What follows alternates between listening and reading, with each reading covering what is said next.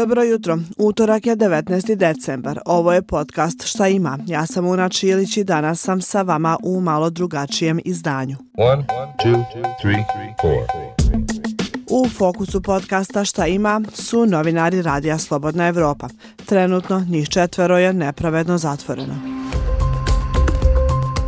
Novinarka Tatarsko-Baškirskog servisa Radija Slobodna Evropa u Pragu, Alsu Kurmaševa, u maju je zbog hitne porodične situacije otputovala u Rusiju ima američko i rusko državljanstvo, a ruske vlasti u Kazanju, glavnom gradu Republike Tatarstan, zatvorile su je u oktobru i optužili da se nije registrovala kao strani agent, da nije prijavila američko državljanstvo, te su joj oduzeli pasuše.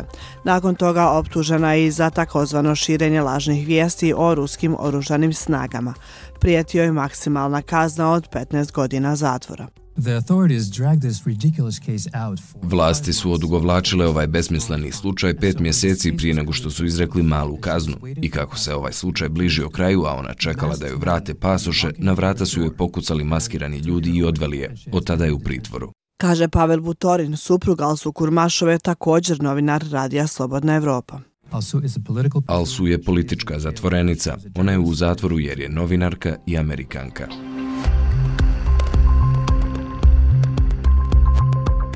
Bloger i saradnik bjeloruskog servisa Radija Slobodna Evropa i Har Losik uhapšen je u Bjelorusiji u junu 2020. godine i to po nekoliko tačaka optužnice, uključujući i organizovanje masovnih nereda i poticanje društvene mržnje.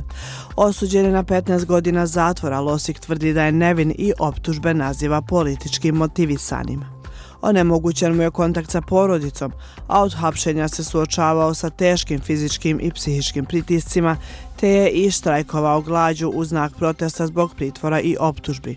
Stavljen je i na listu za praćenje terorista u Bjelorusiji. Njegova supruga Darija uhapšena je u oktobru prošle godine i optužena za davanje intervjua za poljski TV kanal, kojeg je Minsk označio kao ekstremističku grupu. Osuđena je na dvije godine zatvora i trenutno se nalazi u kaznenoj koloniji. Njihova kćerka živi kod bake i djeda. Osim Losika u Bjelorusiji je zatvoren i Andrej Kuzneček – Web urednik bjeloruskog servisa Radija Slobodna Evropa Kuzneček je uhapšen u novembru 2021. godine. Tada je osuđen na šest godina zatvora zbog optužbi za ekstremizam. Još uvijek se nalazi u pritvoru.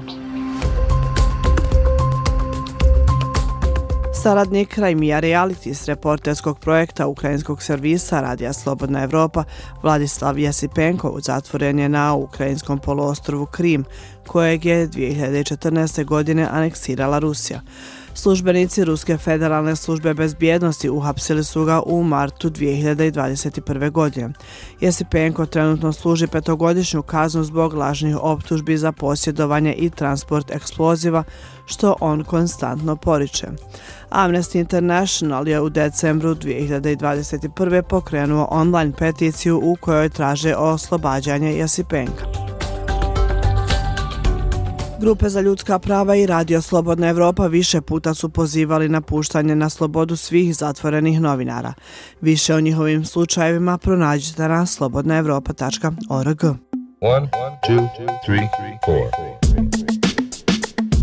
To je ukratko od mene za danas. Sretan ostatak dana, čujemo se neki drugi put. Ćao!